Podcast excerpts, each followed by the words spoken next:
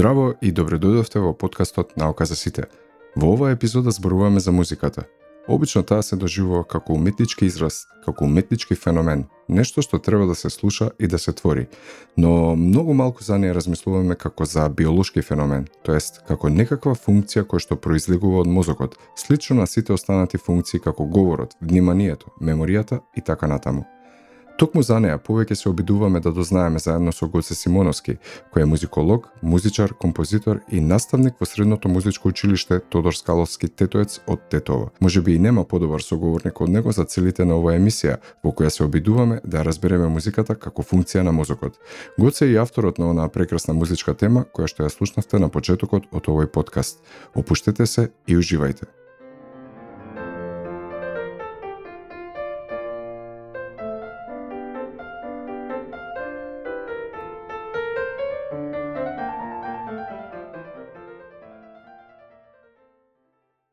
Е, здраво, Гоце. Фала што одвои време вечерва да разговараме малку на една интересна тема, која што е универзална и која што е од интерес а, и за научници и за уметници може да се погледне од а, многу аспекти. Се работи за темата музика или поточно еволуција на музиката и биологија на музиката, што што представува, како еволуирала и зошто и кои се незините функции. Мислам дека тоа е интересна тема, баш да разговараме него со тебе, затоа што ти си композитор по професија. Така, а те нас благодарам. Драго ми е што гости на еден од првите дигитални концепти од ваков тип во Македонија. Фала ти што одвои време уште еднаш. Нема проблем. Кажи ми нешто за тебе повеќе, онака, да, да те запознаеме. Да, а вака, значи по професија сум дипломиран композитор, магистрант на постдипломски студии и од скоро студент по, по психологија. Со авторски дела имам учествувано повеќе пати на културниот настан денови на македонска музика, на Охридско лето, на есенски музички свечености, како и на изведување на делата на концерти низ Македонија и странство. Ам, покрај сериозната музика имам прилично достатворено и во доменот на популарната музика. Ам, како музички продуцент стоем за барем 200 200 нумери и 10 албумски изданија, меѓу кои најпознати би ги издвоил Африка на Супер Хикс, High Control, сите три албумски изданија, Мартин Сарбим, Сарбиновски, Conquering Lion, две албумски изданија и други. Како изведувач, аранжер, оркестратор и автор имам соработувано со неколку еминентни македонски имиња, Мијата, Дарко Илиевски, Владко Лозановски, Сарамис, Димитар Андоновски, Лазар Цветковски, Јован Василевски и така натаму и така натаму. Исто така имам учествувано на речисите реномирани фестивалски изданија во Македонија и пошироко, Exit фестивал, Таксират, Аларм, Скопје фест, Макфест и други. Од најрана возраст, освен за уметност, интерес покажав и за наука, особено за географија и подосно за астрономијата, но за жал не успеав да се реализирам на тие полиња. А зошто е тоа е релативно комплексно прашање. Средината тука не баш овозможи развој на едно такво екзотично поле како што е астрономијата, учите помнење, претежно складирање на информации, а не проникнување и непосредно сваќање на некој даден феномен.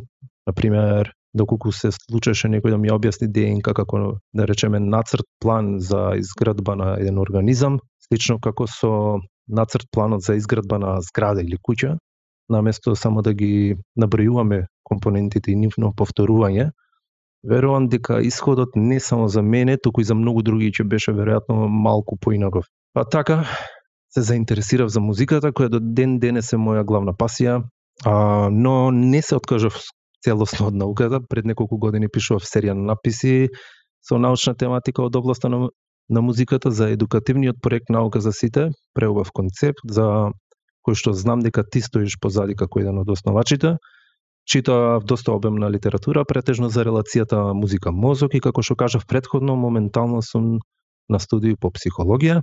Инаку, веќе седма година работам како наставник во Средното музичко училиште Тодор Скаловски Тетовец во Тетово. Ти си, верувам, најпогодниот соговорник со кој што би можел да разговарам на оваа тематика. А, ги спојуваш а, музиката и психологијата на, на како, како наука, која што ги истражува нели, мозокот и мозочните процеси. И ам, Навистина морам да кажем импресивно се ви и баш ми е мило да што разговарам со тебе на овие теми. Фала. И ајде вака да започнеме што представува музика според тебе? А, музиката за мене представува едно од највисоките интелектуални достигања, едно од најдобрите абстрактни творби на човештвото. Фактот дека сложен збир на звучни бранови креирани од човечкиот ум, способни да не насмеат, да не расплачат, да ни воцираат спомени, да не да ни ја разгорат имагинацијата, да не инспирираат и што уште не. Една од примарните цели според мене на музиката е да се инспирира аудиториумот, да се инспирираат луѓето и инспирирани, можеме тоа искуство да го понесеме и примениме во секојдневниот живот. А како резултат на тоа, верувам дека го правиме светот подобро место за живење. Од прилика да, тоа е примарната цел на музиката како дисциплина. Значи, еден вид на, на средство за комуникација и создавање на социјална кохезија. Токму во, во тој контекст може да почнеме од почеток и да поразговараме како воопшто музиката еволуирала или кои се оние генерални гледишта што е од пред 150 години од времето на Дарвин, нели, за музиката во однос на тоа каква функција има и зошто воопшто постои како како еден феномен. Може да го разгледаме низ, низ ам, призма на еволуцијата, нели? И, и, и секогаш кога разговараме за еволуција, мора да водиме сметка дали одредениот феномен кој што, кој што се разгледува низ таа призма на еволуцијата има некаква адаптивна функција или не. Од тоа што можев да го прочитам, генерално како вовет, токму и тоа е дилемата, нели, помеѓу два правци на размислување, како што размислувал Дарвин и како што размислувал а, уште еден а, филозоф и полимат а, и биолог негов современик на Дарвин, значи во ист период живееле, а, Херберт Спенсер се нарекува. Така, така, си го да. познаваме од а, повеќе области. Генерално Спенсер бил заинтересиран нели за потеклото на музиката, од каде доаѓа и каква функција врши. А, според него, музиката нема стрикно адаптивна улога, туку е последица на еволуирањето на вокализацијата како форма на израз на емоции. Значи, музиката, примарната цел на музиката е да сигнализира емоции кај луѓето, нели? Ам, и во некоја попримитивна, порудиментирана форма да а, исто така да ги сигнализира емоциите кај, кај животните преку разни вокализации. Во контекст на Дарвин, нели Дарвин секогаш ги гледал работите низ перспектива на дали одредена функција, одредена појава е адаптивна. И според него Дарвин ја разгледува музиката како а, низ призмата на, на, на, на так, така наречената сексуална а, селекција. Тоа е уште еден механизам кој кој кој Дарвин а, се обидел да го разработи покрај нели она што се вика природната селекција и Дарвин доаѓа до овој концепт а, затоа што не можел да ги објасни појавите во природата, на пример зашто паунот има шарени перија, нели, кои што се толку забележителни, кои што а, привлекуваат внимание на предатори кои што нели не одат во функција на негово преживување и дошол до заклучок дека тие мора да имаат некаква си репродуктивна функција со цел паунот нели да инвестира толку и природната селекција се грижи за, за делот за обстанувањето на организмот, дека сексуалната селекција а, е повеќе насочена кон репродуктивниот успех на организмот. И Дарвин ја смета музиката како еден додатен елемент на сексуалната селекција, тоест музикални единки или единки кои што се способни да изразуваат одреден, да комуницираат на тој начин преку музика, биле нели сексуално селектирани од од спротивниот пол, да, и имале поголем репродуктивен успех. Што мислиш за овие две тези на Херберт Спенсер и Дарвин, адап, неадаптивна и адаптивна функција на музиката? Така, а, имам прилично да речеме литература, со оваа литература имам прилично запознаено Дарвиновата теорија, значи со себе носи два клучни концепти, природна селекција и полова, односно сексуална селекција. А, патем Дарвин дошол до еден интересен заклучок дека освен физичките карактеристики, видовите, меѓу кои нели и луѓето, имаат специфични начини на однесување. Половата селекција се однесува на оние карактеристики кои, об... кои и обезбедуваат партнери, повеќе партнери, односно партнер-партнери, на единката преку кој се остварува репродуктивен успех. Е сега, според Дарвин, овој концепт е круцијален кога станува збор за музиката. Во неговата книга Потеклото на човекот, човекот Дарвин прави аналогија меѓу птиците и луѓето каде што музиката се опишува како средство за заведување и покажување на атрибути кои евентуално би резултирале со привлекување на партнер, односно партнери. А, во еден дел од книгата Дарвин на има баш го има овој пример со птиците дадено и неколку биолошки а, трудови го има тоа поддржано, но а, постојат и други тврдења, нели како што е примерот со а, когнитивниот научник Стивен Пинкер, а, кој а, вели дека музиката нема никаква адаптацијска улога, дека а, едноставно представува само културна творба и тоа е тоа. А, од археолошки гледна точка, музиката е прилично стара дисциплина. веројатно надминува над 40.000 години. А, исто така, моје гледиште дека музиката е веројатно е малку веројатно дека придонела во подобрувањето на шансите за обстанок и евентуално зголемување на екзистенцијалните ресурси, но со сигурност придонела во здружувањето, држувањето на големи социјални групи кои постоеле и а, кои постепено го окупирале тлото на Европа. А, а, други искази посочуваат дека музиката може би имала значајна роља во модерната човекова еволуција. Тоа е роителската инвестиција, да селектираме три позначајни хипотези кои ја поддржуваат адапцијската функција на музиката.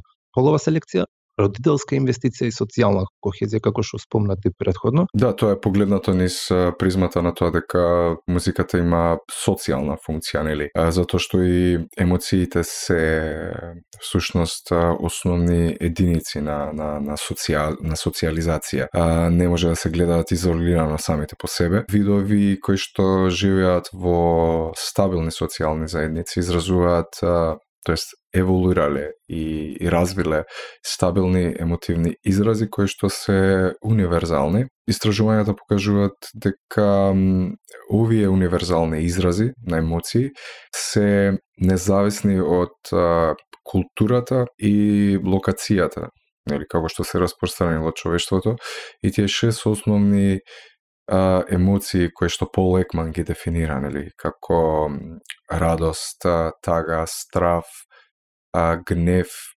изненадување и гадење. И гадење, така да тие шест а, се прилично универзални под предпоставка дека основната функција на, на, на, на музиката е емотивно сигнализирање, тогаш би очекувале нели било каде во било која култура барем основните карактеристики на емотивниот израз на музиката да се универзално разбрани за, за повеќето култури во, на, на земјината планета. Така.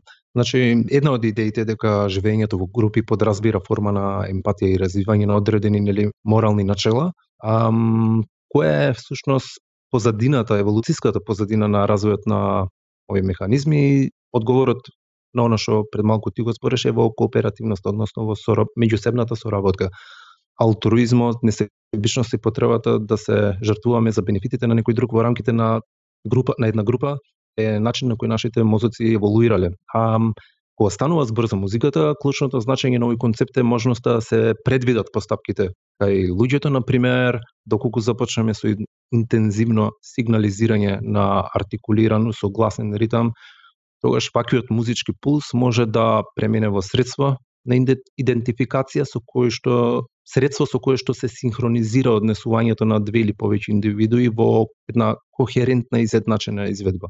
Um, колективното вокално изведување интересно имаше пред скоро веруваме една интересна студија која покажа дека при колективното вокално изведување се синхронизира дури срцевиот ритм меѓу членовите интересно, а ваквата експресивна изведба предизвикува активација на емотивните зони на мозокот, на невронскиот систем за награда, ослободување на хормони, окситоцин, вазопресин, серотонин и други, кои се поврзуваат со социјалното групирање. И некои трудови основата и почетоците за музиката, значи ја бара токму во оваа хипотеза за социјална кохезија, кохезија.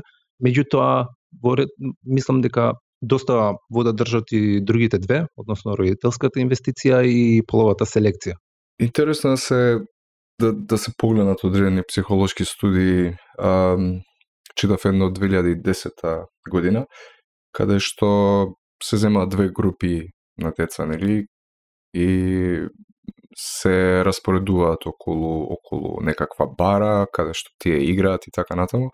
Едната група е изложена на а, на музика и натерана да да пеат заедно, нели, со музиката. Другата група си играат децата без без да пеат и без да бидат изложени на музика.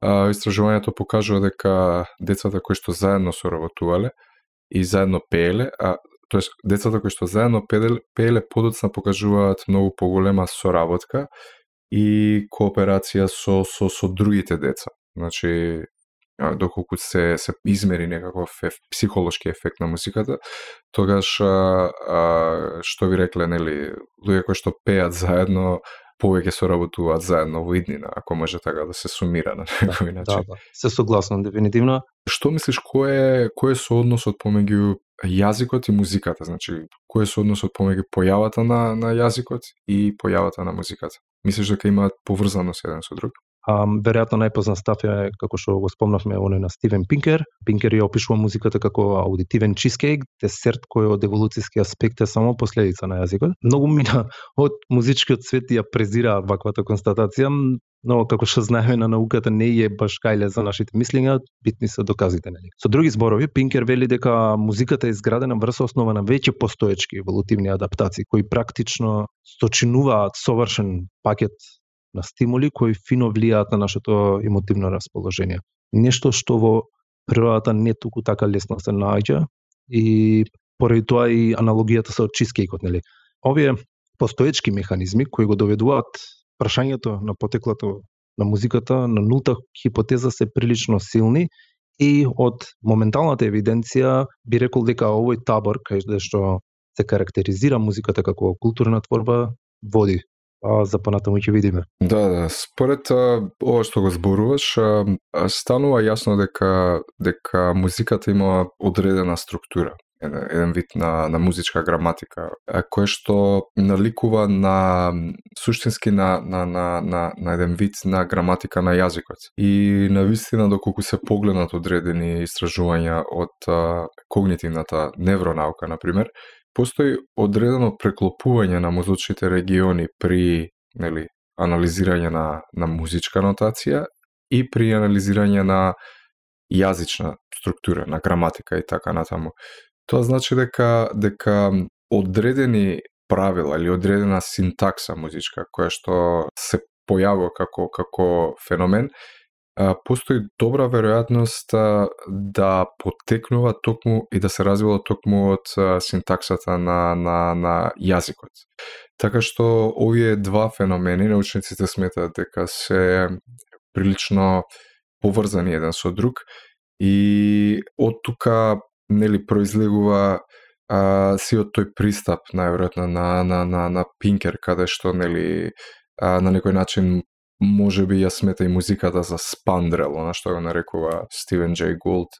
Спандрел е оној дел од, од, од лак, од свод помеѓу два столба, значи наголот, кој што нема а, конкретна функција, но се декорира за да, нели, се добива функција сам по себе а, како последица на веќе постоечка функција предходно. Оно што сакам да кажам дека дека а, јазикот еволуирал под а, притисок на, на, на, на социјалното живење, значи на, на нашите предци, и со помош на постепено вокализирање, каде што нели ларингсот се спушта, стануваме бипедални и така натаму, полека полека го развиваме говорот, Значи, мора прво да се создадат одредени вокални органи а, кои што ќе бидат способни да продуцираат одредени звуци од кои што подоцна се развива и јазикот и музиката најверојатно како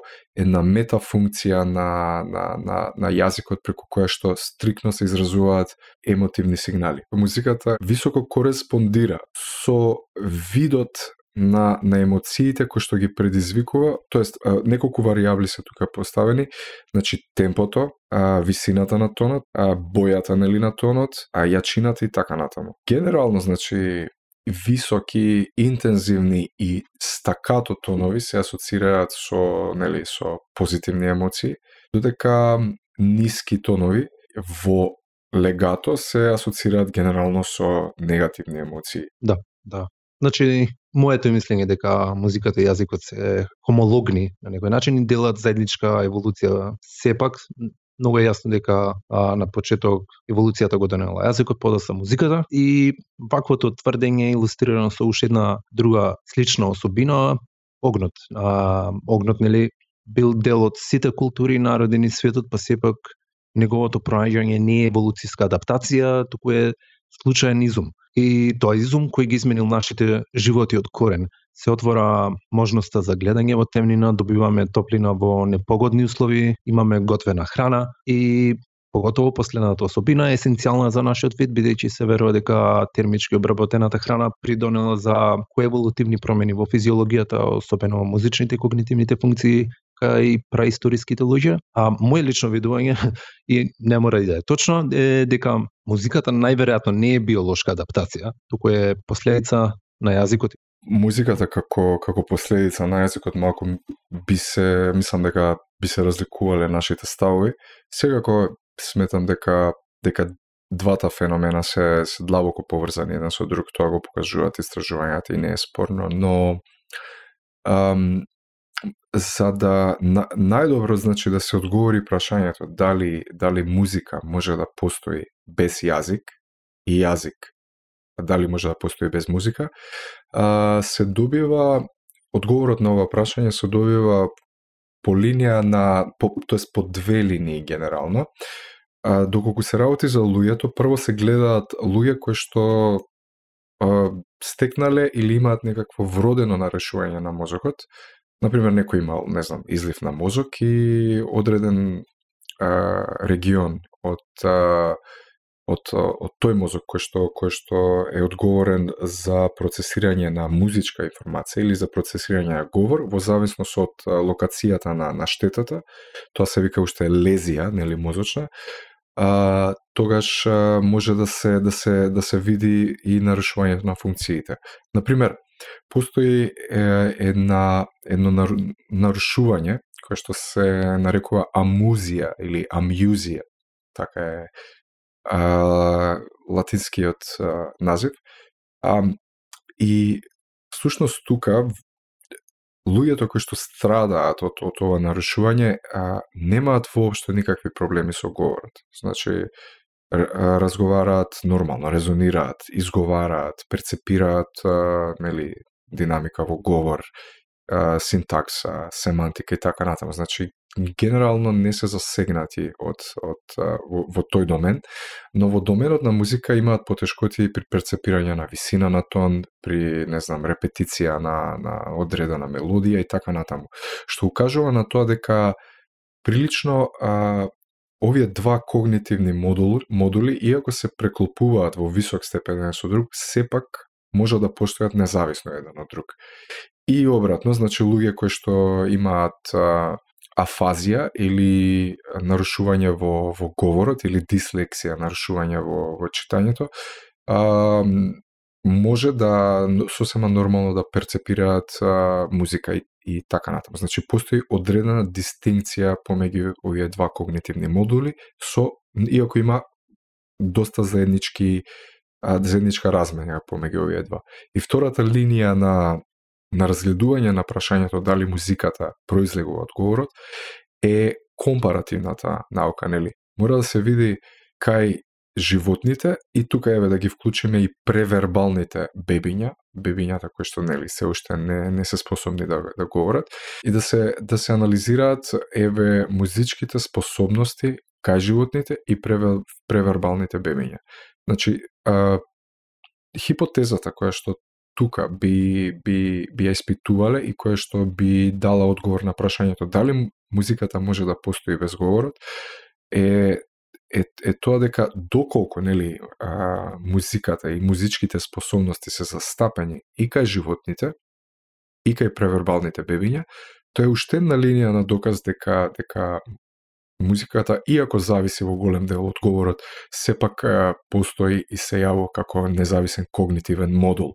И всушност тоа е една, една моја еден мој префериран начин на гледање на работите, е имено мислам дека идејата на на когнитивниот научник Джери Фодор, кој што кој што зборува за модуларност на мозокот, во голема мерка објаснува многу феномени кои што ги наблюдуваме во мозокот. Под модуларност се подразбира дека одреден феномен, одреден домен, модуларно мозокот го третира, иако соработува со другите модули во, во, во мозокот, генерално може да се третира како независен. Може би да, интересно ова што го искоментира. Значи, дефинитивно интересно што кај човекот, нели, а, музиката е да речеме, когнитивен, создавањето на музика е когнитивен процес и самата музика е средство која комуницира со нашиот лимбичен систем, односно со емоционалниот систем, нели? Оливер Сакс вели дека музиката е најдиректна форма на емоционална комуникација.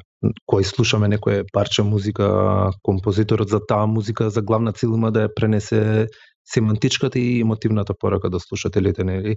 Анекдотски, ако кажеме дека само преку музика може да, да заклучиме дека Моцарт бил ведра и жива личност, а, тогаш е доволно само да ги слушнете почетите ноти на мала ноќна музика за камерен гудачки ансамбл делото што е и веќе интуитивно пројавувате чувство дека за ваквата музика веројатно стои некој бесел човек.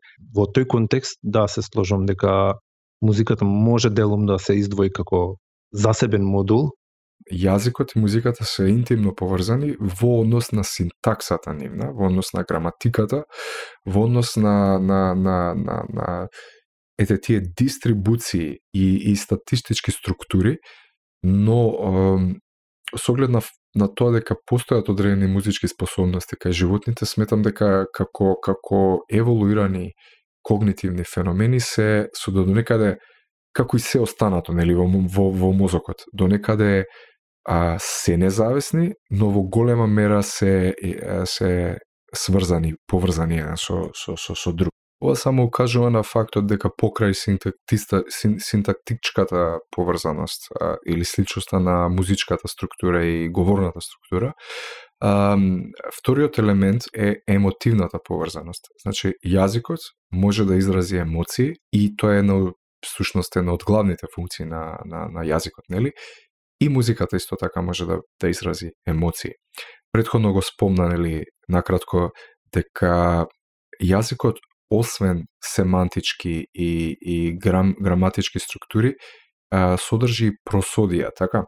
А, само за оние кои што не се најдобро запознаени што значи тоа, просодија е, е емотивниот израз или димензија на говорот, кој што е составен од акустични елементи кои не се дел од граматиката на вокабуларот. А, значи, просодија може да биде а, начинот на кој што нешто изговарате.